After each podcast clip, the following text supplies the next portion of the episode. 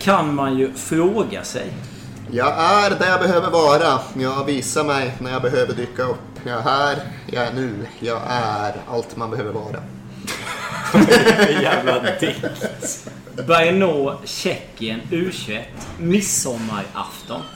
Ja, det är stökigt där. Vi kommer redan nu be om ursäkt för dåligt ljud, märkliga ekon, eh, tjeckiska servitörer och eh, Fredrik Jönssons dialekt. Jag noterar att vi sitter i cigarrummet. Det är så här man sätter sig när man ska ta en garre ur humidoren och luta sig tillbaka.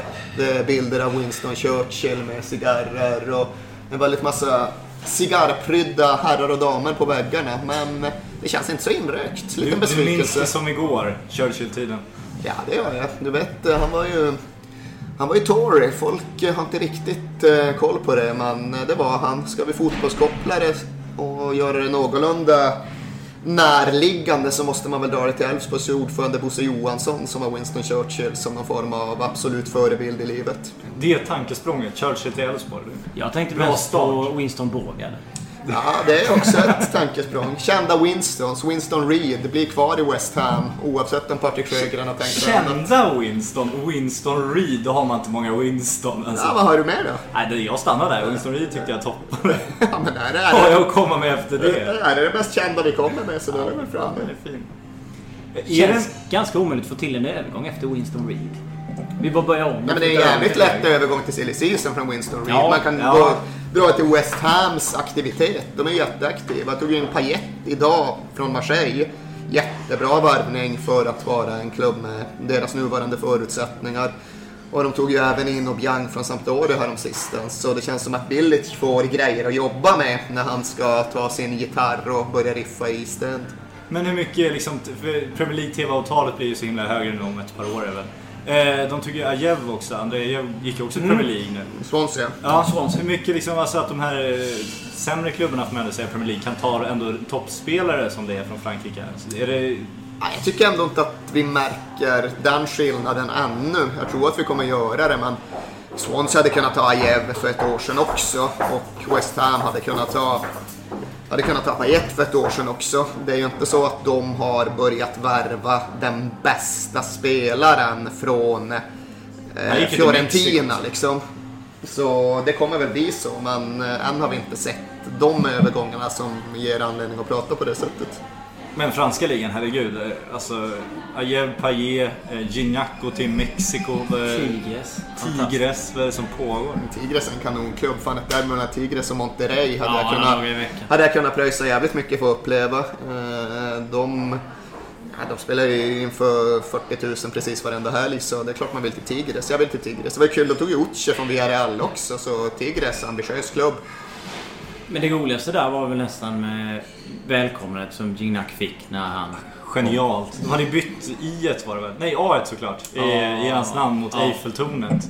Och Erik Niva kan ju historien om eh, Olympic Marseille och eh, förhållandet till Eiffeltornet. Ja, alltså Olympique Marseille och alla som har någonting med den klubben att göra är ju väldigt avståndstagande gentemot Paris och de parisianska symbolerna. Eh, Varav Eiffeltornet är den absolut största och tydligaste. Så det är klart att det blir ganska bakvänt att eh, hälsa en eh, Marseille-profil med en Paris-symbol. Men jag släpper Tigres av kroken för den här gången. Eh, Det var ju som när Roberto Martinez först kom till Wigan i mitten av 90-talet med två spanska polare och Wigan-fansen som på den tiden var väldigt fåtaliga gjorde ändå en ansträngning för att nu jävlar ska grabbarna känna sig välkomna. Hur ska vi liksom göra det här rent visuellt första matchen? De köpte upp sig på en jävla massa sombreros och Martinez och killarna noterade detta men hade väl lite svårt att eh, själva känna kopplingen till den, eh, till den, mexikan, den mexikanska nationalhatten. Spanjorer och katalaner som de var. Genialt. Går han från Big, Big Mac till El Marco nu? Oj! Eller? El Maco, alltså är det, är det en fotbollsspelare eller är det det gamla McDonalds-erbjudandet? Ja, men du måste hänga med på den Ja, här. det är väl det gamla. Ja. Okej. Krydda, pommes frites, påse, skaka. Det är Gignacs senaste. Big, Mac-kopplingen helt gått över i Erik Nivas huvud här. Fan. Jag har inte ätit på McDonalds på 20 år. Men med tjej är stökigt. Jag kommer när vi var där med, för att bevaka landslagen nu, så går man ut åt Simon Banks rekommenderade håll. Och det slutar med att en, en människa slår sönder en flaska bakom mig mot muren och har den här spetsiga delen. Och liksom går med lite mod i blicken, lite för snabbt bakom en. Så man känner att nu, nu kommer jag att promenera väldigt, väldigt snabbt. Så det är jävligt sällan man går någonstans i Marseille utan att ha en gubbe med mod i blicken bakom sig. Det är liksom det är en gata i mängden, det är en situation bland andra. Men jag har faktiskt inte varit i Marseille sedan de fick ordning på Velodrom igen. Jag var där för några år sedan senast. Arsenal spelade Champions League, Aaron Ramsey gjorde mål i 90 minuten och baxade dem upp i någon semikris då. Men då höll de ju fortfarande på en hel kortsida, eller en hel långsida var under ombyggnad och så vidare. Men när du var där hade de fått styrsel på hela arenan. Styrsel på hela arenan. Fy fasen vilken jävla arena det är. Ja, det var så? Ja, det är helt sinnessjukt. Har de tak över kortsidan nu för tiden? Jag tror, jag vågar inte svara på det, men jag tror det. För det hade de ju aldrig förut och grejen, det var ju alltid sinnessjukt mäktigt med Ja, de hade ju två jätteklackar som körde mot varandra, deras Syd och deras Nord. Och South Winners på ena sidan och allt det där. Men det var ju ändå öppna kortsidor så en stor del av ljudet försvann ju iväg. Ifall de verkligen har takat in det på ett akustiskt bra sätt så kan jag misstänka att det blir ett jävla drag när OM spelar. Akustiken kan man inte klaga på, det var ändå bara franska landslaget. Det man kan klaga på var att man fick springa ner 20 trappor till eh, presskonferensen efter matchen. Fan, duktig svettig. Jag försöker uppfostra dig medialt. Alltså, vi kan inte hålla på och prata om journalisters arbetsvillkor. Ja, men jag måste förklara om jag ska springa 20 trappor. Där får ju måste jag träna, vet. Det är fan mitt starkaste minne därifrån. Ja, det... Det är ju mannen med flaskan, han, han slår i och för sig i trapporna. Det är ju det är ju fint att vi sitter på en fransk restaurang och, och pratar om eh, Frankrike och inte kanske pratar så mycket om Tjeckien. Tjeckien. Men för att slu, avsluta Frankrike kan vi ändå känna lite på Zlatan Ibrahimovic här. Vi har ju pratat om honom i Sillisvepet lite grann. Du har ju snackat om att Niva tittar jag på nu och säger Att eh, är han blir mycket förtjust i era pussel som ni har lagt för att en gång för alla reda ut hur det Ja. blir med Zlatan. Eh, Jag inser att det här kan bita mig i svansen precis som jag tycker att det nu har bitit er i svansen. Absolut. Men Ja, i nuläget är jag förtjust i ert eh, pusselläggande och hur fel jag upplevde att det var. Ja, det jobbiga nu tycker jag är alltså när han flyttar, då brukar han vara som, tyst, som mest tyst liksom. Och nu, eh, nu lägger han ju upp bilder när han sitter med Raiola själv liksom. Och det gör ju att... Men är det inte för att han vill ha all ice med på honom nu? För att han känner att han måste få till det här för att få fler alternativ och så... Nej, jag, jag är ju lite tyvärr inne på Eriks linje nu att det här handlar om att förhandla om någon slags Du backar Paris- redan nu, alltså, Ja, lite halvt måste jag säga. Det känns inte solklart. Men däremot tror jag att om eh, han liksom... Det är fortfarande en förhandling som sker med PSG på något sätt. Det får man väl tro. Ny dag, nytt pussel. Jo, men om den faller så har han ju, då måste han ju söka andra alternativ känns det som. Det Det finns faller, han har ju sitt kontrakt. Det är giltigt i ett år. Men uppenbarligen är det inte det han är ute efter just nu eftersom han ändå agerar som han gör. Någonting, han åker inte till Qatar för att liksom bara ta en kaffe med shejken liksom. Det läggs ju pussel här. Vi vi har ju pratat om det vi är på olika sidor. Det här är lite Milan-sidan här, jag och Sjögren. Och där har vi PSG-sidan med Niva. Men om, om ni skulle få välja, vad skulle ni alltså önska se honom i den perfekta världen? För Malmö fotbollförening. Malmö fotbollsförening. Redan nu till Ja, hösten. men det är klart att det hade varit önskedröm. Men det är liksom, sitta och prata i så utopier blir ju, blir ju ogiltigt. Alltså jag har ju ibland tyckt att det har varit väldigt tradigt med den här önskan om att se Zlatan i Premier League bara för att. Mm. Att det alltid funnits den här ganska överdrivna dialektiken kring att Zlatan ska visa engelsmännen att det minsann inte handlar om någon överskattning. Allt det där är jag ganska trött på och allt det där känns som att det har vi väl klarat av när han gjorde två mål på Emirates för Barcelona och sen när han gjorde fyra mot landslaget på Friends. Men med alla de här reservationerna eh, redogjorda för så det är klart att det vore någonting jävligt kittlande att se han ta en andra forwardsroll i Chelsea. Nu blir, nej jag vill absolut inte Kane. Spurs, det hade varit ett eh, jävla problem för alla mina världsbilder.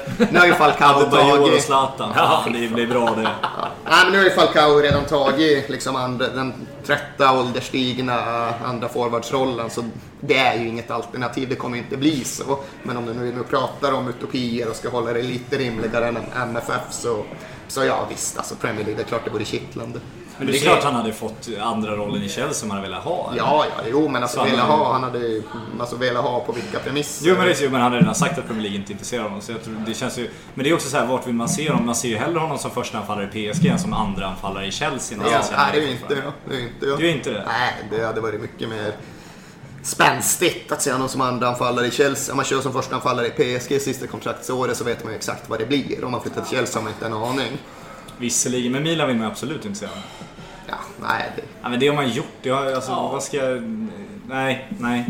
Jag hade velat se han med Harry Kane i Tottenham. För jag hade velat se Kniva sitta och titta på det. Eller med Adebayor. Adebayor, Adebayor eller Zlatan. Alltså jag hade ju sjukt svårt med Erik Edman spelade för Spurs just för att det var det världar som krockar. Det känns problematiskt med en svensk spelare som eh, man ändå är på någon form av vardaglig nivå med. Alltså i någon mån känner jag ju Erik Edman och samtidigt vill jag ju förgudliga Spurs. Jag har ju alltid dragit mig för att intervjua Tottenham-spelare eftersom att jag inte vill ha den relationen till dem. Jag vill ju att de ska vara på en helt annan nivå än där jag och andra dödliga trampar runt. Så det var ju komplicerat med Erik Edman där. Sen var jag på Anfield när han sköt mål mot The Cop från 40 meter och det gjorde väl att det kändes lite mer okej.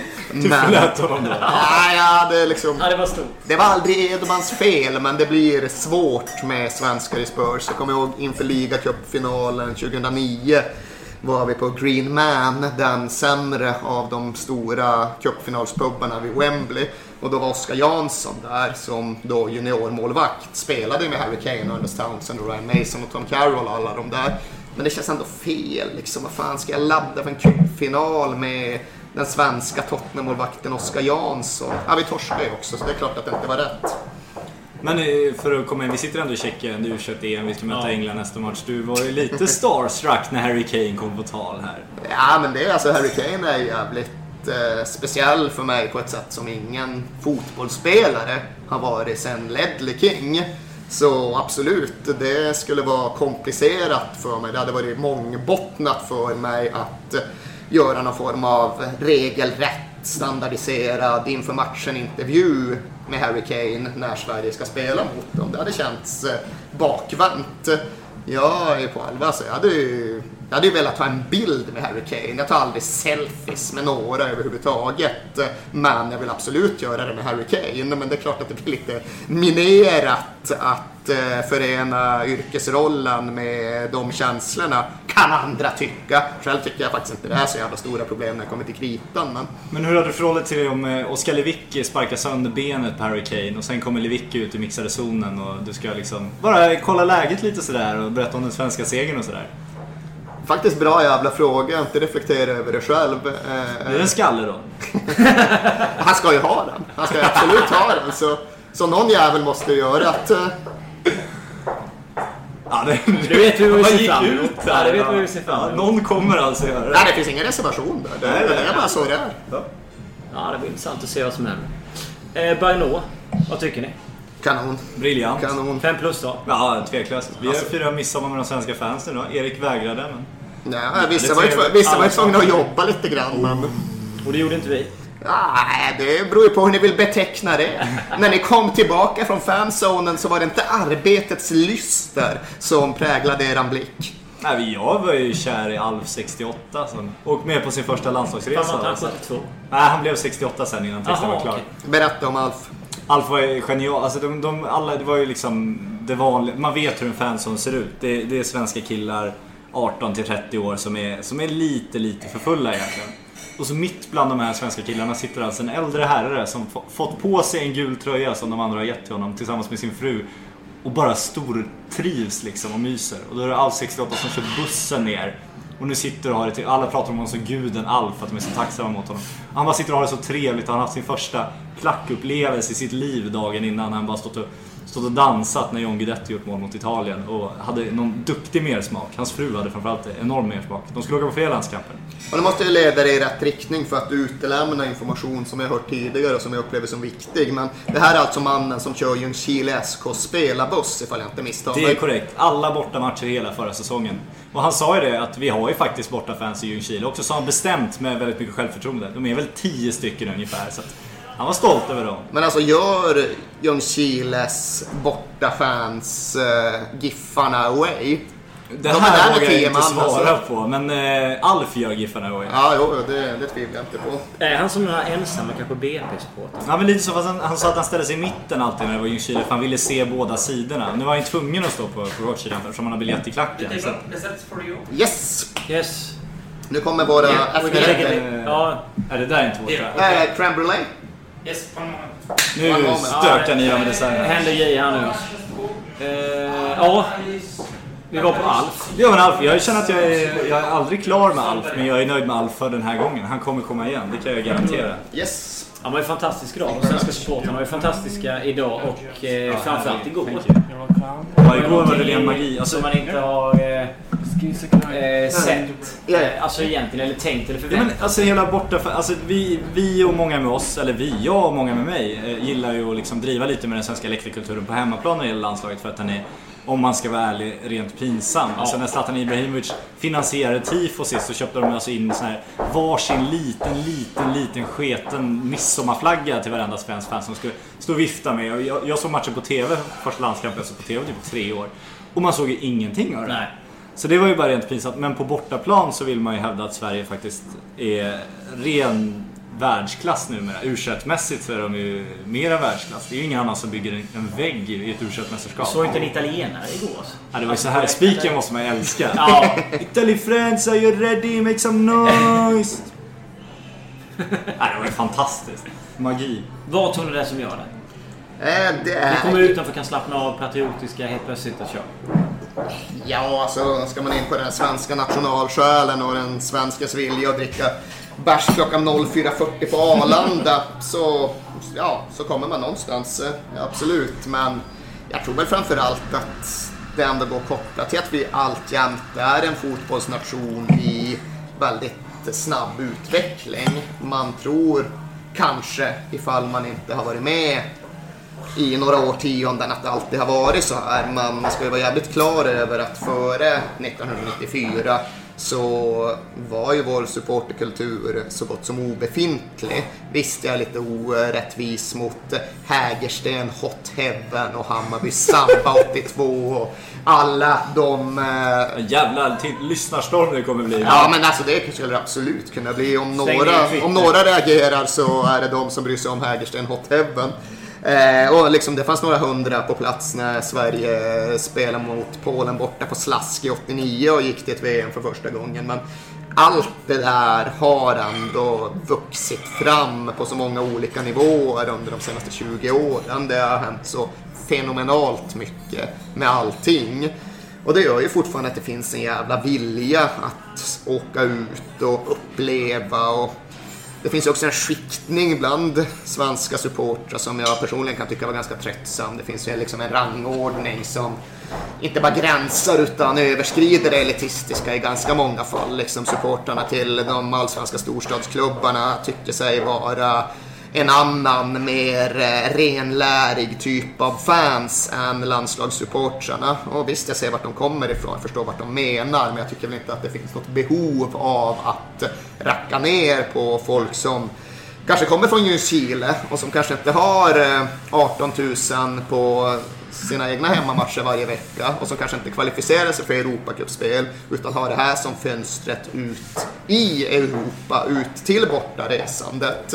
Och visst, det gör att det blir en delvis annan vibb på den här resan än det blev på Malmö FFs borta tripp till Vicente Calderon. Men det kan det väl fan i mig få lov att vara. Jag ser ingen som helst anledning att problematisera det faktumet att vi har 1200 fans i Olomouc torsdag i juni. Utan det är verkligen helt jävla fenomenalt. Och det visar dessutom på bredden som vi numera har i den svenska supporterkulturen. Att det finns eh, olika typer av bortaresor, olika typer av bortaupplevelser. Och jag ser liksom inget behov av att rangordna det ena gentemot det andra. Men för 10 Ta- minuter sedan kom Ta en fel kom glas det, också. Ja, exakt. Nu kan Det det. Det är ett glas. Nu men fel. det. Men Hägersten Hot Heaven. Ja, då du kan inte den Nej, referensen. det här vill jag höra mer Fan, om, du, är, du är för ung alltså. Så Du är det. det här, Du är för historielös. Så är det absolut. Det står jag för. Men ge mig för fan. Ja men det är ju Hammarby spelar SM-finalen mot IFK Göteborg 82 är det väl. Det finns en liten risk att det är 81 men Alltså det... eller fem år innan jag föddes. Ja men... med. Ja vad fan, jag hade alla nummer av Buster från 72 och framåt. Jag är född 78 så jag ser ingen skäl att man liksom ska låta Det- historien börja när man själv Vi föds. borde läsa på mer med andra ord. Absolut. Ja men i alla fall. De kör den här dubbelfinalen som man gjorde på den tiden. Man spelade SM-finaler och man gjorde det hemma borta. Hammarby hade ju ett jävligt karismatiskt lag, ett lag som verkligen levde upp till bayern myten innan den egentligen var etablerad. Men det var liksom Olsson-killar som hellre slog en tunnel än gjorde ett mål, va? Och det var ett gung på läktaren som eh, man inte tidigare upplevt i Sverige. Och de som då stod för det här liksom sambaliknande orkesterspelandet på returen på Söderstadion var en ensemble som då kallade sig för Hägersten Hot Heaven. Och det var någonting... Sjukt bra namn. Ja men det var liksom... Så efter skiband. Ja men det var väl kanske ungefär vad det var också.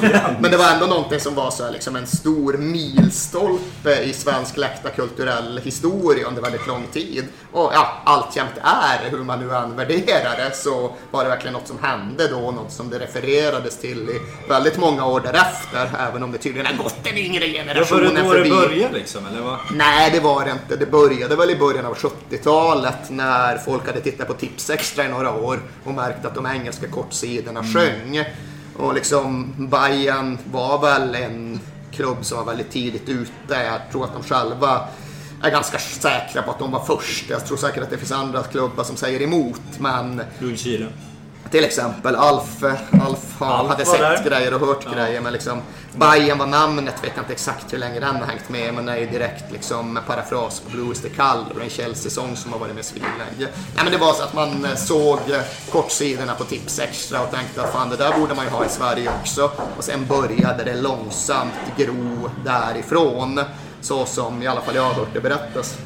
Alf måste ju varit i sin eh, absolut bästa form då kanske. När Hägersten Hot Ja. Heaven höll Ja. höll igång. Ja, det kanske var han som var Ja. borta läktaren, jag vet inte. Jo, det var liksom han som lyfte... Jag tror att han åkte med Blåvitt på 80-talet innan Ljungskile hade liksom kommit igång. Ja. Han var Folkparkstadion 82. Alf var där. Han körde bussen. Men jag tyckte väl, eh, alltså det du var inne på med landslagssupporter, så det är nästan ibland så att vissa tycker att det kan vara lite så fult att vara landslagssupporter, eller lite töntigt, eller lite dåligt, alltså lite, lite second grade lika kreddigt. Men det- Postordsupporter som man brukade uttrycka det ibland när man inte Exakt. typ var en riktig supporter. Men det är väl liksom, alltså, det är väl hur fint som helst att åka ner hit, liksom bilda en gul fantastisk vägg och bara köra. Liksom. Nej, men det finns ju en konflikt i Stockholmsfotbollen i alla fall där Svenska Fotbollförbundet för ett antal år sedan ändå försökte få med sig Hammarby, Djurgården och Ja, AIK-supportrar till landskamper och eh, den förhandlingen slog ju bak så hårt så att det blev en bojkott som fortfarande pågår på hemmaplan. Det finns ju ingen, ingen kille i Stockholm som kallar sig fotbollssupporter egentligen som har ett klubblag i Stockholm som också går på landslaget och i någon, någon slags organiserad form. Däremot så har ju bortaresorna blivit som liksom åka till Mallis på 80-talet eller när det nu var. Det, det är ju verkligen... Med, med Glenn, man följer efter honom på de här superresorna och alltså... Fan, såg ni, såg ni Glenn idag? Jag måste bara bryta in och bryta av Ja, vi där. var ju den, lilla fanzonen i Brno idag bara, glöm inte det. Ja, Glenn är ju tyvärr inte här i Tjeckien ännu. Jag förutsätter att han snart åker ner. Ja, Alltså, fort ja, blir det semi måste Glenn vara Alltså, han här. kan Alltså. inte hålla sig. Alltså, det är som gjort för Glenn, hela den här upplevelsen. Men i alla fall, Glenn har ju en stående krönika i GT. Mm. Där han liksom bara speaks his mind. Liksom. Om det är något som Glenn känner att han måste förmedla till nationen så gör han det där. Ska det tryckas? Det är väl skönt att Glenn kan prata så fritt ändå. Jag tycker det är helt jävla fantastiskt. Men alltså Glenn hade ju sin kolumn då idag. Var tror ni att Glenn eh, känner att han måste kommunicera just eh, den här dagen? Ja, det har ju ingenting med fotboll att göra förmodligen. Väldigt lite. Väldigt lite. Ja. Han hängde ju med Torbjörn Nilsson och... Ja, eh, Torbjörn, han hängde med Torbjörn Nilsson och... eh, Eller Galf Edström, Torbjörn Nilsson och Glenn Hysén.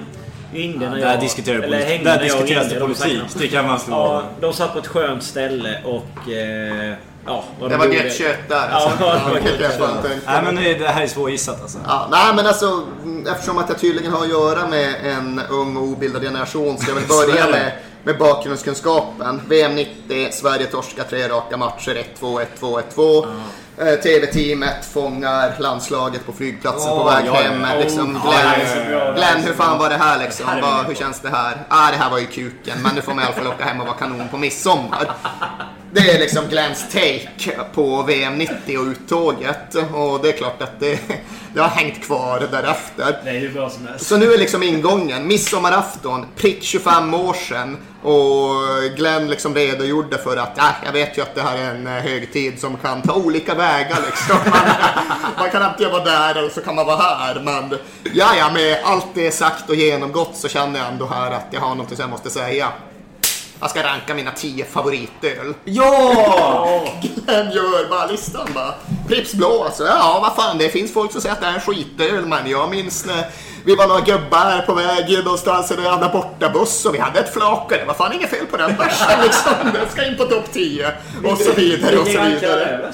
Nej, jag kommer- jag vet fan om det ens var liksom en 1-10 eller om det bara var fristående att alla skulle med på något sätt. Alla öl han har druckit Ja. livstid. minns. Ja. Nej, det, var, det var, skulle ju bara vara ljuslager. Sen gjorde han ett undantag för Newcastle Brown Ale eftersom att Ja, han det tydligen hade lärt Den var sig... på en fotbollströja. Nej, man hade tydligen lärt sig dricka den i Liverpool och den tyckte han ändå var schysst. Men samtidigt så hade ju andra druckit Guinness och det fattade inte Glenn. Liksom. Det var ju som en halv jävla middag. Men hans filmranking är ju Ja, den är helt journalistisk jävla historia. Magisk, Det är nog det bästa som har hänt någonsin. Ja, den är helt fantastisk. När han liksom har den här motiveringen att det är en bra film, då ska man ju gå ut från biosalongen med jävla god känsla i kroppen. Liksom. Det ska vara lite feel good, lite bra stämning och så det väl till Nalla men tystna på första plats. Liksom. Då dansar han ut ur biosalongen. Ja, jävlar. Han är ett geni. Även för de som inte känner till lands, landslagshistoria kan vi säga att han, han har ju ett samarbete med en, ett resebolag. Så att han skjutsas ju runt som någon slags maskot. Från liksom bortalandskamp till bortalandskamp. Och, han, har ju sagt det, han har ju sagt det att så han förstår inte varför inte fler för detta landslagsspelare gör det här. För det är det bästa som finns. Och så går man in i de här fansen och ser vad Glenn då tycker är det bästa som finns. Det är alltså så här 20-30 dyngfulla svenskar. Hänger på Glenn, drar i Glenn, ska ta foton med Glenn och bjuder Glenn på öl. Ja, men det finns ju ingen människa i hela världen som är bättre lämpad för det här uppdraget än Glenn Hysén. Nej, nej, Och det säger jag med beundran Ja, i rösten. Ja, ja, alltså, det här är inget uppriktigt. Nej, verkligen inte. Tvärtom, tvärtom. Det är en otroligt stark förmåga han har där, Glenn Hysén. Och han är väl kanske lite just, om vi ska återknyta, någon form av symbolfigur för hela landslagsresandet. Ja, Ifall man känner sig kompatibel med Glenn Hysén, allt han är och står för, så då kommer man ha det jävligt kul på de här landslagsresorna. Okej, det följer inte liksom ultrakoden, det följer inte eh, de eh, kläd... Eh, det följer inte den dresscode som krävs enligt eh, den stilistiska regelboken. Det är en del vikingahorn och några älgmössor och allt- allt det där liksom. Och det kan man väl ha och mista kan jag väl personligen känna. Men vad fan, ifall man inte är kompatibel med Glenn Hysén och Glenn Hyséns fotbollsupplevelse så, så då förstår jag inte riktigt vem man är och vart man kommer ifrån. Klart man, klart man ska köra det racet Ja, också. det, är ju- det är ju det ultimata folkliga liksom. Glenn står ju verkligen för det. Och när Alf kan kliva rakt in där 68 bast och bara liksom mysa i klacken, då, är- då är det folkligt. Och Glenn kan ju ta allt liksom. Det är, Ja, herregud. Det är den bästa kan gubben. ta alla. Ja, det är som just det som är... Att man ringer man till honom och ska snacka med honom så är han ju alltid jävligt trevlig. Och sen Ja. kanske man, jag ringde till honom förra veckan för det var någonting vi skulle göra som vi sen stekte. Men det var en ganska vågad grej. Glenn ställde upp direkt. Och, eh, han kunde inte just då men han skulle eh, ställa upp lite senare. Så jag var tvungen att ringa tillbaks. Typ 10 minuter senare. Och då, det första han svarade är Fan vad du tjatar, fan vad du ringer. Och så bara garvade han efteråt. Så att han är liksom... Alltså jag har ingen aning om vad det här handlar om. Nej, men du ringer upp inte det. Glenn för en ganska vågad grej. Ja, och han ställde upp på den Ja men vad är... Alltså, Det var, det var ett det- utvik var det. Ja men Ja, det var ett Det var det då. Ja, okej. Nej, nej, nej. Nej, nej, det var det inte. Men det går väl att säga vad det är. Ja, är det väl måste inga det problem. Vad fan, vi är bland vänner. Det är ja, vi jo, det är bara sant. vi Men vi skulle ju spela in någon video med honom liksom. Det var väl en parafras på Pavel Nedved u Ja, precis. Eh, och han skulle vara den personen som liksom skulle bli opererad i Pavel. Och sen skulle vi ha någon av hans söner som skulle vara den som vaknade upp och bla bla bla bla bla, Låt mig säga, Glenn såg inga problem med det här Nej men alltså många svenskar hade tyckt att det var ganska jobbigt att göra det. Eh, så överlag. Och bara, nej men det där gillar man inte. Vad tjänar jag på Därför det, använde jag frasen liksom ganska vågad grej med Glenn. Bara, Jag har inte tid just idag men kanske imorgon eller övermorgon. Alltså du vet, så här, det är inga problem. Vi Men har. Glenn Hysén någonsin sagt nej till någonting? Och det säger jag inte liksom oj oj vilken eh, integritetslös person utan vad fan bejaka livet. Ja, men han går ju rakt in i varje grej som om det är det roligaste som finns också. Och då Ja. blir det ju det roligaste som finns. Så att det är inte så att han... Alltså, det är därför han kan tacka ja till allt också. Ja, han gör det ju så jävla bra. Det är därför det är kul också att det var han som sa det i kuken efteråt. I och med att han, man ser honom som extremt positiv. Alltså, Alltså, det är- glad människa hela, hela tiden. Men det kommer ju det positiva sen. Ja, men det är på Ja. Det är ibland det vanligaste jag...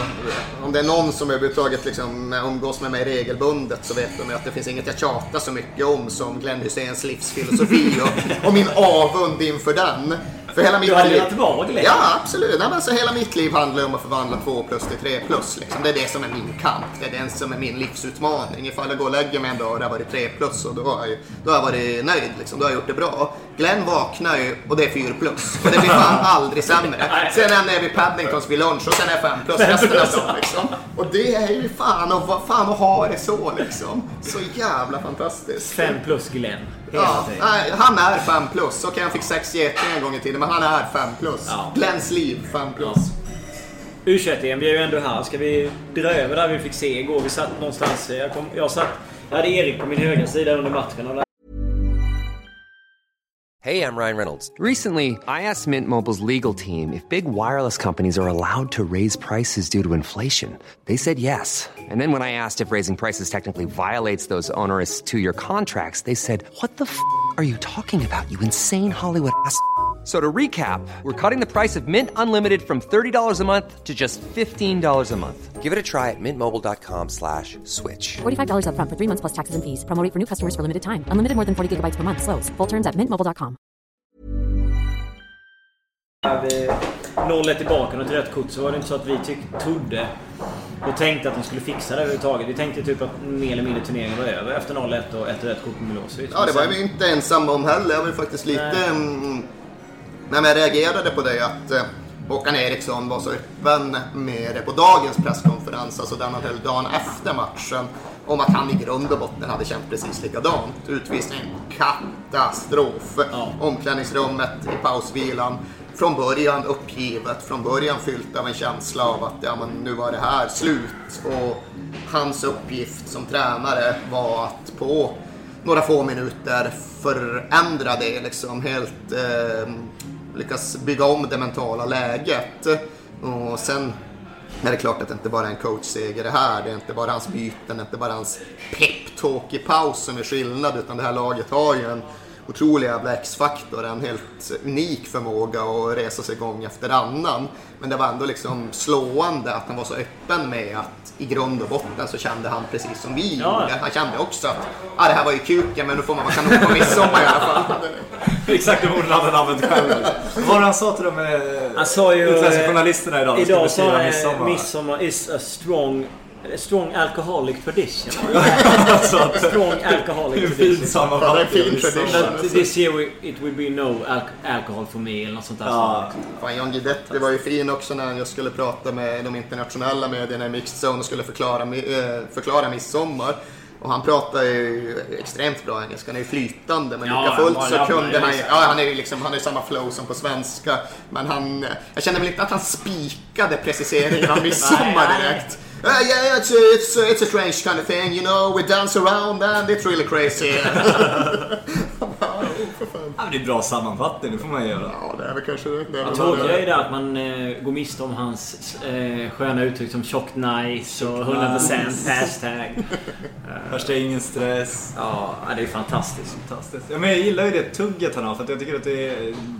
Man älskar honom för det och så undrar man hur sjutton det kom till liksom. Det är en kille från en, en stor villa i Bromma liksom. Ja. Det är inte det, är inte det, det klassiska områdena man liksom...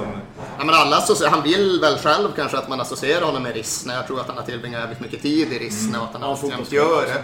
Ja, exakt. Han har ett engagemang där alltjämt. Så jag tror väl kanske någonstans att han själv liksom ser på sig själv som eh, straight out Rissne. Och det är ju lättare att få ihop den bilden än det att få ihop just eh, Brommauppväxten med retoriken han glider Jag tänker att han borde låta lite som Albin Ekdal eller Augustinsson eller liksom.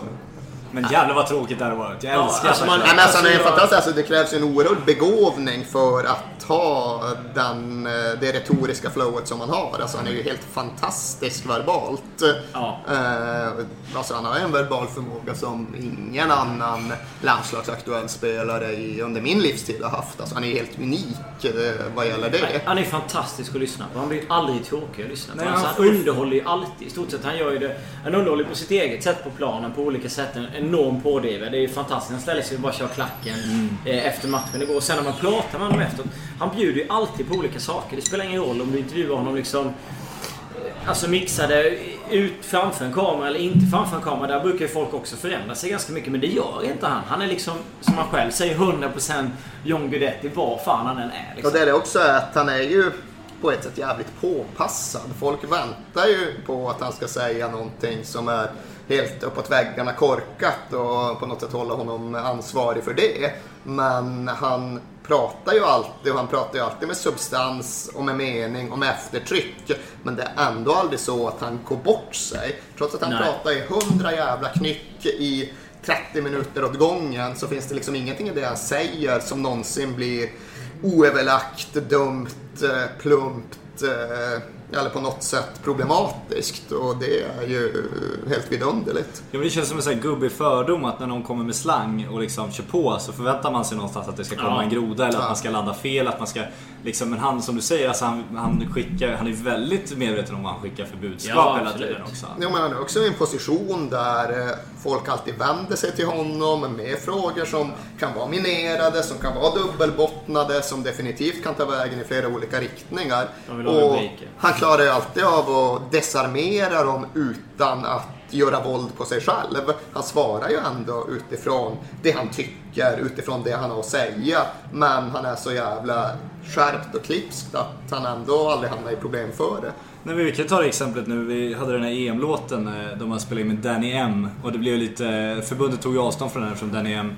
Jag har haft lite problematiska ja. uttalanden på Facebook som har kunnat tolkas som antisemitiska, vilket Danny M hävdat i efterhand att de inte är och så vidare. Det är skönt att bara när du ska redogöra för vad som har hänt så hamnar du i den här diplomatifällan. Absolut, ja, som det gäller ju- alltid undviker. Exakt ja, jag är usel på det här.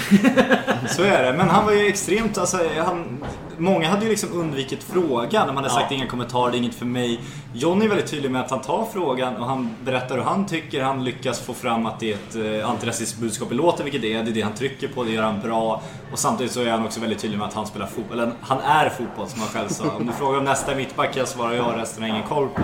Så han, liksom, han tar avstånd från frågan på ett väldigt smart sätt. Samtidigt som han också tar ner sig själv så att från liksom en vidare diskussion genom att liksom understryka att, han, att det här inte är hans ämne. Bara det är ju genialt gjort. Liksom. Nej, men det närmaste man kan komma det är ju Martin Mutumba som också är Ja, fantastiskt herregud. retoriskt. Men han är ju samtidigt... han, eh, han är ju laddad på ett ännu tydligare sätt och han är ju inte mån om att aldrig hamna i konflikt. Liksom. Det är en del av konceptet Martin Mutumba att han ibland ska säga saker som folk blir genuint förbannade på. Jag tror inte att det är någonting som bara händer av en eh, för att Martin Mutumba inte kan styra sin egen tunga utan det är sånt som han tar med i beräkningen. Det är liksom, vad fan det hör väl till. Ibland måste Rinkeby representera liksom. Men det är det närmaste man kommer den typen av retorisk begåvning som Guidetti har och, och visar upp. Ja, kan vi döda den här myten nu att Martin Mutumba på något sätt skulle vara lite korkad som folk Finns verkar Nej, det? nej, nej, alltså, nej, finns Ja, men det? folk verkar tro det just Ja, på är sättet han talar, sättet han stavar på Twitter och så vidare. Det finns ju ändå den liksom. Alltså sättet han stavar på är ju så Det är jävla extremt, exakt. De gånger jag har haft kontakt med Martin Mutumba liksom utanför just det offentliga socialmediala sammanhanget så väljer han ju exakt hur, hur korrekt han vill stava. Han har ju den här förmågan Skicka sms med honom så märker du att... Ja. Nej, men han, har ju, han, han har ju förmågan att byta språk, vilket Ja, är ja, det ja. som brukar definieras eh, som just eh, språklig begåvning. Ifall man har förmågan att växla språk beroende på om man pratar med sin mormor eller med sina jävla poddlyssnare så eh, har man just, ja, det är då man behärskar språk på något sätt. Men alltså det, är inte, alltså, det är klart att det, fotbollsmässigt det de gjorde igår så var de ju eh, ett fantastiskt lag och alla gjorde det jävligt bra. Så fan. Men när man pratar om så, alltså, vi sitter ju och hyllar honom jävligt mycket och det är jävligt skönt att u landslaget har den typen av spelare. För man hoppas ju någonstans att han ska komma in i A-landslaget. Ja, men- Och föra vis, vidare någonting som gör... Alltså det här öppna, trevliga, sköna, roliga jävla landslaget som U21 är. Det är alltså... När de sitter... När Håkan har presskonferens utanför så är det inte så att de är så här, går in och sätter sig i bussen, radar upp sig och väntar. Utan de sitter de utanför. Han slänger fram sin högtalare, de kör deras låt.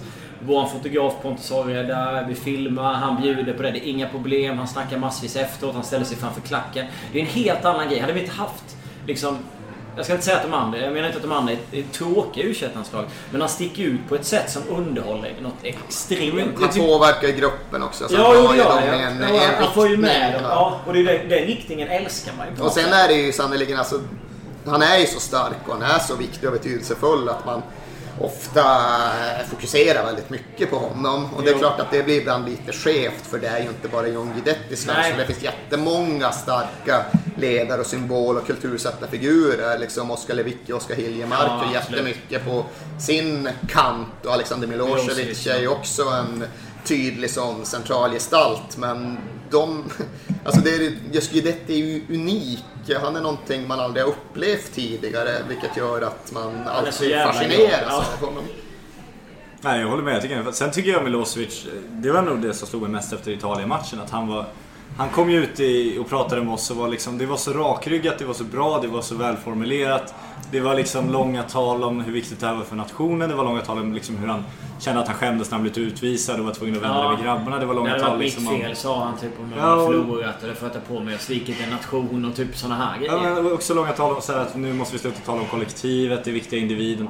När man träffar honom i AIK så har jag inte alls fått den bilden av honom som den ledarfiguren han, jag tycker det? att han var här. Nej, inte på det här sättet, absolut inte i liksom intervjuform och så. Här var det som om han tog hela laget under sina vingar. Ja, jag har alltid upplevt honom som en jävla liksom, eh, ja men som en ledartyp, det måste jag säga. Men man vill ju någonstans att både han och John om, om nu, eh, nu är ju Milosevic i landslaget, han har gjort två landskamper. John har gjort det förr i tiden men jag kommer ihåg när de här youtubarna, John stod bredvid Zlatan, när han har det här håret ute. Ja. John ser lite såhär starstruck ut, står och småflinar lite. Och man vill ju att de två ska komma in i landslaget och göra det landslaget på ett annorlunda vis än vad det landslaget är idag. Ja, att få... Men vi alltså, pratade lite om det där tidigare, att eh, liksom, vad skulle hända? Skulle landslaget förändras om de kom in eller skulle John Guidetti och Alexander Milosevic, eller framförallt John Guidetti förändras? Och det jag tycker är slående med A-landslaget idag, om man tittar på Branimir Hargota, liksom, han kommer in, han har noll shining när han är med A-landslaget, där det efterfrågas shining. För att det, liksom, det finns någon slags uppfattning där om att medieaktiviteter och annat är någonting som tar energi. Branimir Hargota, man tittar på honom i liksom den här TV4-intervjun inför U21-EM och han har liksom 100% shining och det känns som samma aktiviteter här liksom ger energi. Jag tycker Ja. att det är en jävla skillnad. Och därför hoppas man att John också kan liksom vända hela det A-landslaget. Ja, men alltså gruppkulturer sätter ju sig och eh, de kan vara ganska svårförändrade men de är ju absolut inte huggna i sten så det går ju att styra en gruppkultur i en riktning och nu har ju A-landslagets kultur satt sig som eh, ganska sluten och ganska svårtillgänglig och ganska isolerad. Ganska tar du där tre gånger. Kände du verkligen att det behövdes? Ja men sen är det också just det där, fan vi, ja, jag måste betona det gång efter annan att vi ska inte fokusera så jävla mycket på hur de beter sig i mediala situationer. Det skiter- Nej men, det- men det är ju en bild av hur kulturen är i gruppen. Det gör det, men det är också... den just- bild vi får jo, se också. Och den är också relevant ifall man kan ta den vidare, ifall man kan eh, adressera det som händer på plan. För det är ju så jävla tydligt att den energin och den entusiasmen som U21-landslaget har, alltså den positiva vibben som har satt sig i det omklädningsrummet, den gruppkulturen och gruppdynamiken som de har lyckats hitta fram till, den gör ju skillnad på planen. Och det är det som når fram till folk i stugorna. Det är det som gör att det här laget engagerar redan så mycket. Man tittar ju på matcherna och man tittar på vändningarna och man konstaterar att här finns det ju en X-faktor som är jävligt kittlande och väldigt tilltalande. Det här vill jag se mer av, det här vill jag vara en del av. Och det är det som gör det här till ett speciellt fotbollslag. Det är väl skitsamma ifall de sitter och rappar på en trottoar när Pontus Orre filmar. Alltså det är kul för oss men det är inte jätteviktigt. Men det är väl lite det är väl alltså grejen av att de får vara sig själva på ett annat sätt. Det känns som att de blir liksom inte styrda av någon. Ja men det är väl, jag, jag tror verkligen att de har ändå satt den där Alltså gruppkultur, grupppsykologi är ju fotbollens heliga graal för stunden. Det är liksom den enskilt viktigaste faktor som vi inte lyckas isolera eller konkretisera eller eh, utvärdera på ett rättvisande sätt. Och den är inte heller så jävla lätt för klubbarna eller landslagen att jobba med. För de har kommit en bit vad det gäller liksom den enskildes mentala träning. De sitter med liksom målbilderna här och liksom tankemodellerna där. Men just det grupppsykologiska, hur får vi den här gruppen, det här laget att vara proaktivt och positivt och blir det här som U21-landslaget är. Ge aldrig upp, skitsamma vad som händer, kör på ändå, vänder grejer, uträtta saker som verkligen borde vara omöjliga. Men det har de ju nått fram till med det här U21-landslaget och det är det som verkligen gör att folk sitter hemma i soffan och vill ha mer. Det är ingen jävel som vill ha mer av A-landslaget i nuläget, men U21-landslaget det vill man ju. Det, vill Ja. man ju, det känner man ju en samhörighet Man har en med. djävulsk hunger att bara se mer och mer. Man älskar, alltså jag tror att folk älskar dem på ett annat sätt också. Att det är enklare att ta sig till dem. Ja, men jag kände ett helt engagemang på läktaren måste jag säga. Jag, har Ja. inte känt, alltså jag var nervös sista minuten. Jag har inte varit på liksom en match jag sett i jobb. Ärenden på liksom, ja, men fem år. Och då har jag ändå sett dem, ja, Man alla utom en an- man hoppas på ett annat sätt när man sitter. Man känner en helt... Alltså man, Ja men man, man känner lite mer och så är det Det går inte att komma Alltså det är ju det är fortfarande så här. Nu är inte jag så gammal men det blir ju små sköna killar liksom. Och man, man vill ju dem väl för att de, de känns så naivt, härligt liksom oförstörda. Men Jag känner mig inte beskyddande gentemot dem så att fan hoppas Nej, det går nej, bra inte för mig så heller, Jag känner mig verkligen så inspirerad och entusiasmerad. Fan, jag vill ha den här inställningen och det här förhållningssättet gentemot fotbollen. Jag vill inte vara så här liksom avtrubbad och cynisk som jag så jävla ofta är och som jag sannoliken blir mer av att se A-landslaget för att de känns som att de är ju ännu mer Men det är väl det som är så fantastiskt, att de har lagt ner så mycket tid, varit så ambitiösa, tränat så jävla hårt. Men så ses de samtidigt också som sjukt avslappnade, jävligt sköna, roliga, bjuder på sig själva, pratar. Alltså du vet, Ja, men det är de har hela att vara- kombinationen. Det är liksom. kul att vara i deras fotbollsvärld. Ja, det är det är jävligt verkligen. tråkigt att vara i en fotbollsvärld som kretsar kring att A-landslaget ska spela en match mot något halvtrött motstånd på Friends. Och det är liksom...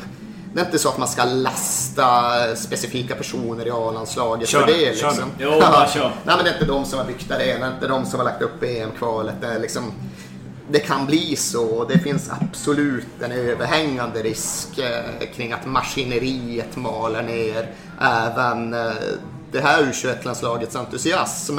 Men blir det så så blir det väl så. Jag orkar inte sitta och problematisera det nu. Jag är bara så jävla glad att jag får lite liksom jag får lite glöd på min fotbollsbrasa för eh, gudarna ska veta att om man jobbar huvudsakligen med den internationella toppfotbollen då blir det ibland eh, det ligger väldigt nära till hands att stänga av och liksom känna att det här berör inte mig. Det här är inget jag kan relatera till. Det här är ingenting som jag får någon form av entusiasm inför. Men det är det som just är så jävla fantastiskt med det här laget. Ja, men jag vill ju se mer, jag vill ju ha mer, jag vill känna mer för de får mig att känna och det är allt jag begär. Jag känner ju någonstans att eh, Balotelli och Bentner borde väl funka in i den här gruppen om det hade varit ett klubblag. Stökigt. Nej, men jag, det finns ju ingen som hade plockat ner John Guidetti som ledarroller ändå. Nej, det finns nej. ju ingen människa värd.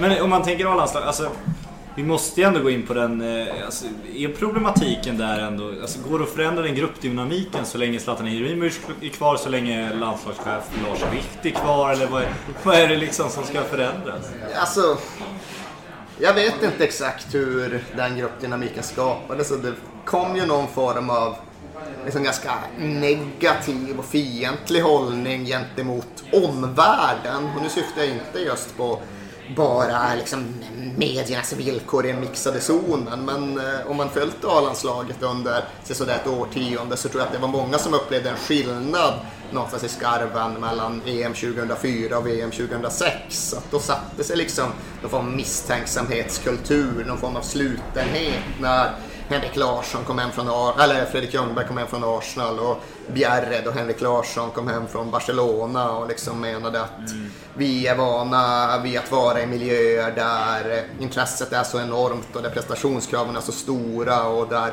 allting är så allomfattande. Att vi kan liksom inte hålla på och ödsla energi med att knyta an till folket. Liksom. Det satte sig någon form av idé om att eh, nu stänger vi in oss i omklädningsrummet och sen snackar vi på planen. Och det vore väl okej, men det ena går ju jävligt ofta hand i hand. Ifall det blir den här liksom slutenheten och någon form av inåtvänd just dynamik i omklädningsrummet eh, så kan det säkert låta jävligt diffust och flummigt i mångas öron men min tro är att det avspeglar sig på planen. Och det var så jävla länge sedan man hade den här liksom känslan av att det fanns en vibration, en puls, en, ett driv i A-landslagets omklädningsrum. Och jag tror att det går att härleda till den där tidsperioden för sådär tio år sedan. Och sen är det klart att det finns väldigt många som kommer lyssna på det här och säga att ja men vad fan det där är ju helt jävla irrelevant. Det enda som handlar om att vi har sämre spelare och att vi vinner färre matcher och att vi inte får spela någon mästerskapskvarta längre och därför blir det trist och folk blir sura. Absolut, det är en stor del av sanningen, men det är inte hela sanningen. Det finns någonting just i den där känslan av vart allt är på väg och vart det, vad det ska bli av det hela. Och u de, de vill ju framåt så jävla mycket att de inte kan hålla band på sig själva. De bara ska spränga alla gränser som finns. Och den eh, liksom, ambitiösa hungern, ja, den hittar man ju väldigt sällan runt det svenska Men det är väl därför det är så fantastiskt med Johnny egentligen. För det är han som är typ den människan som skulle kunna jämföras kanske lite med i det här laget med de människorna som du pratar om där. Som hade störst press på sig, skrivits mest om det har varit hit och dit. Men han är ändå den som är liksom någonstans kanske mest Alltså öppen. Jag Ja. tänka mig att det kan vara jobbigt för honom. Och, men han visar ju aldrig det. Han Jag är tycker det är häftigt också- Han pratar, skämtar och liksom. Men om man kollar de här matcherna, de som liksom har störst prestationskrav på John Guidetti, det är ju de som står i den här gula väggen ändå. Ja. Och, liksom, och John Guidetti har ju förvandlat dem till sina närmsta polare. Ja, det är ju typ, så uppenbart. ja. Han integrerar ju med dem Ja, under matchen. ja, Han liksom utnyttjar dem för att sätta press på ytan. När Sverige ska jaga ett mål i andra halvlek så har de så jäkla tur att de får anfalla målet och mot. upp med liksom vinkar upp till Ja, klacken men att de ska skrika mer. Och Liksom. de har ju tur att de får anfalla mot den svenska lägen för så fort de närmar sig motståndarmålet, det är hörnor, det är frisparkar, vad det än är. Då eldar han ju igång dem så att det blir ett tryck så att liksom italienarna känner ju att nu vibrerar ju marken här borta Ja. även fast det är, liksom, det är bara en hörna. Men marken vibrerar, då måste det ju vara något farligt på gång. Ja, men sen är det klart att det blir ju ofrånkomligen jävligt skevt att göra någon form av Zlatan-parallell. För liksom det Zlatan Ibrahimovic har stått inför under de senaste tio åren, det är ju ojämförligt med någonting någon annan svensk någonsin har behövt hantera. Han är, som han själv hade uttryckt saken, på en helt annan nivå. Och så är det verkligen. Men min bild, mitt intryck av Zlatan och de signaler han någonstans förmedlat, det har väl alltid varit att han har eh, liksom förgudligat sig själv. Han är så jävla liksom stark och så jävla skicklig och så jävla framgångsrik att han verkligen har ställt sig på en helt annan nivå, mer eller mindre medvetet. Och det har gjort att man som observatör blickar upp mot Zlatan och känner att jävlar, där uppe svävar han som någon form av modern Olympen-gud. Och John Guidetti har ju absolut inte motsvarande framgångar ännu. Jag tror väl dessvärre aldrig att han kommer få någonting som kan påminna om det. Men han har ändå lite samma status. Men han har ju inte den här grejen att han just ska vara på en platå och blicka ner över sina undersåtar. Han ska ju vara med sitt crew, med sitt entourage och typ alla får ju vara med. Vill man hänga med Guidetti in i ringen liksom, det bara oj, oj, oj, det bara ställer sig och hoppar. Och det är ju också en sån där jävla grej som verkligen särskiljer honom, att han är inkluderande på ett helt fantastiskt sätt.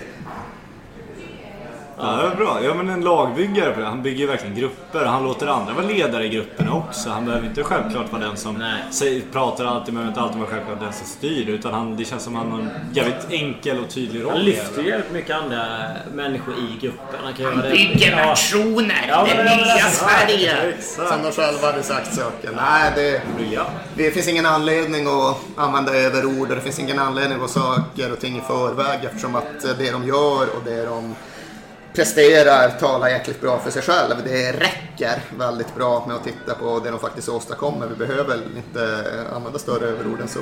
England och Portugal kvar. Ja, vi, England är väl de vi ska vara minst rädda för. Av allt vi har hört. Portugal är väl det största hotet så. Men...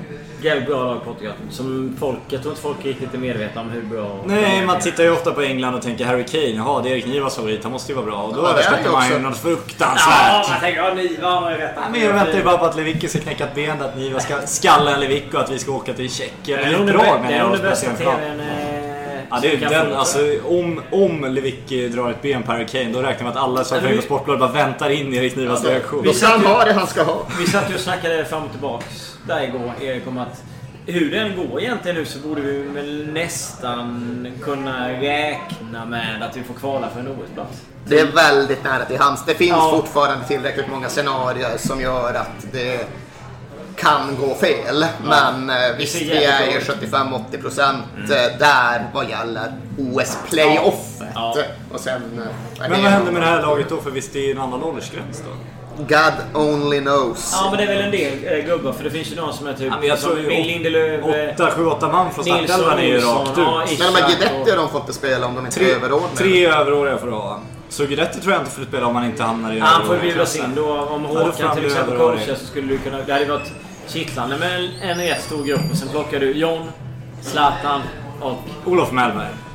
Johan Elmander tänkte Ja, jag säga. Johan Elmander. det vore ju bra med Hamrén coachar. En ny vår. Ja. Eh, nej men det känns ju väldigt, väldigt bra. Eh, Jo men fatta den matchen bara. Alltså, det, är, det är ju nästan... Eh, jag pratade med vår kollega på TT idag. Det, alltså, någonstans så känner man att den där OS-playoff-matchen är nästan större än en EM-semifinal om man ska vara. Jo, det finns någonting i det, absolut. Det gör det. Det är Just den där ett svenskt landslag i en final. Jo, riktigt. Att det är verkligen skillnad hur det går i den matchen. Det handlar inte bara om ifall man åker hem på planet med en positiv eller en lite halvträlig vibb. Utan det är verkligen skillnad för Vart framtiden. Ja, nej, men alltså fotbollsframtiden. Och det är liksom sällan man spelar sådana kvalmatcher. Så är snömatchen i Gelsenkirchen 73 och, och det är de referenserna vi får dra i så fall. Är du med på den Jönsson? Ja, ja alla, alla dagar i ve- veckan. Alla dagar i veckan. Snömatchen i Gelsenkirchen 70. Bara suset när det passerar över min, mitt och Jönssons huvud här. Roland Sandberg tofflar in bollen, Österrike, stolpe in, kullerbytta och grejer. Ja, det känns som igår. Det gör det. Jag minns det. Jag minns det som om det hade hänt i, i förra veckan. Midsommarafton. Idag är. Pontiac Silver Doom. Ja, och vi sitter i Brno, Tjeckien. Ja, men han säger det Arne Heger. Men Arne Hegerfors Ja, var ju liksom den sin generations främsta kommentator på egentligen alla sätt och vis. Men han var fan inte skitvass på det engelska O-ljudet. Robbie Fowler och Andy Cool. Och... Shearer, Shearer. Men det är ändå, han har gjort sådana otroligt klassiska som det står 1-1 i matchen, 1-1 på tröjan. Den är ju Ja, men alltså vad fan han körde ju. Nu ska, kan vi köra de referenserna. Bernt Johanssons upplopp i cykel, Montreal Ja, just det. 76. 76. Nej men alltså han är ju som sagt, han är ju sin generations främsta kommentator så det är inte så att vi sitter och liksom rackar ner Kung. på hans gärning. Men som sagt O-ljudet var det starkaste och Pontiac Silver Dome kunde bli Pontiac Silver Doom. Jag måste ju uppskatta det också för nu är det så här mycket, alltså om någon uttalar ett italienskt namn fel så är det liksom raseriutbrott Ja, på sociala Twitter. medier bara. Ja, vad fan, man gillar ju ändå när en kommentator är så självsäker. Han sätter sig och gör sin grej liksom. Ja. Take it or leave it. Jag saknar det. Nu är man så jävla rädd för vad som folk ska tycka, hur det ska liksom uppfattas. Att det, det blir ju liksom uttalsskola till överdrift tycker jag. Ja, nej, alltså det är ju också sådär att i vilken utsträckning ska man försvenska uttal eller inte. Nu är det just, jag tror vi har nämnt det i något tidigare sammanhang, att nu är det så jävla väl etablerat att man inte Roman Abramovic i Sverige. Trots att han bevisligen heter Roman Abramovic enligt alla slaviska uttalsprinciper. Men nu är det som det är. Ska man då sitta och vara Abramovic-snobbig för sakens skull? Jag vet inte. Men vi snackade ju med de italienska journalisterna, Corriere Sport, Ja. Gazzetta och La Repubblica. Han var ju skön som Ja, jag pratade med den italienska kommentatorn, han var väl lite överdrivet sådär ambitiös. Det var ju Så att han, han gick fram, ja, han gick fram och så bad han mig läsa upp de svenska namnen. Så han hade ingen inspelning, han hade bara sitt block och så sa han bara okej, thank you. Och så gick han därifrån. Så Kände jag, du att han spikade Hiljemark? jag vet inte om han, om han liksom behöll Hiljemark eller. Liksom. Jävlar vad vi sällskap av Ja, tjeckiska. nu kommer det in eh, ett gäng, ett gött gäng i röstrummet här. Det Slamrar nästan, lite nästan, och en, nästan en timme nu. Oj, oj, oj. Är vi klara? Är det kanske är vår cue det här, det tjeckiska gänget. Vad blir Q'n då? Vad känner vi att vi vill föra vid? Vi gå ut med någonting om att det är, alltså vi har väl lagt den här under silly season-etiketten. Ja, jag vet inte hur vi ska landa där. har- Kieran Tripper är klar då, vad säger du Erik? Ja, Ja, alltså det ligger ju helt i linje med de transferambitioner och det transferutrymme vi har den här sommaren. Vi ska köpa ganska ungt, vi ska köpa hungrigt, utvecklingsbart, gärna brittiskt. Det som var förra säsongen var att vi hittade ingen lösning på högerbacken överhuvudtaget. Provade ett halvdussin olika varianter, inget funkade riktigt bra, inklusive Kyle Walker. Jag vill ju fortfarande tro att Kyle Walker ska gå att rädda för att han är så jävla bra offensivt, men han är ju stendum defensivt. Och det tycks ju faktiskt inte förändras. Det verkar inte spela någon roll hur jävla mycket man coachar honom eller försöker coacha honom. Så jag vet inte. Jag har fortfarande hopp om att det kan bli någon form av Danny Rose-effekt på den här värvningen. Vi tog in Ben Davis förra sommaren och han var inget bra, men han gjorde Danny Rose lite bättre. Det är möjligt att Trippier kan göra Kyle Walker lite bättre.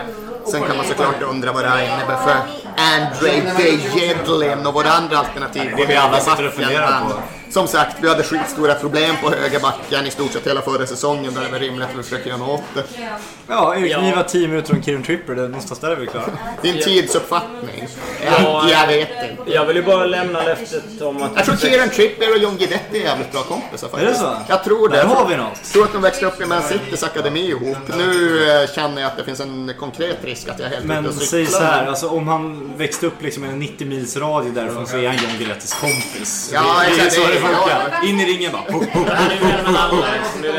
Men jag ser fram emot att försöka få eh, Erik Niva och Harry Kane. Ja, herregud vad trevligt. Alltså grejen är Det är den lite målet, känner jag med den nästan den här hela resan. jag har en signerad Harry Kane-tröja hemma som jag för avsikt att rama in och någonstans känner jag väl Har du inte lite... med dig den? Någonstans, jag känner någonstans lite grann att längst ner i den ramen ska det kanske vara den framkallade fotorutan på mig och Harry. Som det är i min eh, fotinramade Ledley-tröja där det är bilder på mig och Ledley. Så jag kanske måste ta och styra upp det där. Det, det är faktiskt möjligt att det är så. Det kommer vara det största sen eh, Robert Lau lät sig fotograferas som Steven Gerrard i ett Sportbladet linne. Ett klar rosa linne i Kiev. Liksom. Riktigt så här eftersvettig. Det var kvällen före Sverige-England i EM 2012. Det är korrekt, vi delar, delar hotell med engelsmännen. Hotell Opera i Kiev där Sjachtar Donetsk har tillbringat det senaste året i krigsexil. Det är där de bor alltså? hemstad. Det är Ja, där de de bor. de fan inte så illa ändå kan jag meddela. Donetsk alltså. Sjachtar, de har bott där. All, alla vägar bär alltid till Donetsk. Det är min eh, fasta uppfattning. Ja, men briljant hotell alltså. Vi eh, rundar eller? Ja, alltså vad tjeckiska Tjeckerna gäng känns satte som- press på de oss och så man puttar ut känner oss, att man alltså. nu så börjar det rökas och dickas och... Jag vet inte vad. Det är dekadens. Det dekadensen. Du, du kan inte hantera den. Nej, vi flyttar till nästa bord direkt. Vi bara... Midsummer in Brno, det är så här det går till. Eh, glad midsommar. Spelas alltså in på midsommarafton eh, ifall ni undrar vad vi håller på med här nere i Brno. Så ber jag om ursäkt för ljud och Ja, annat. det är ljudet jag tänker på mest, inte på någon alkohol. Vi dricker bara vatten Absolut. och eh, cola här nere.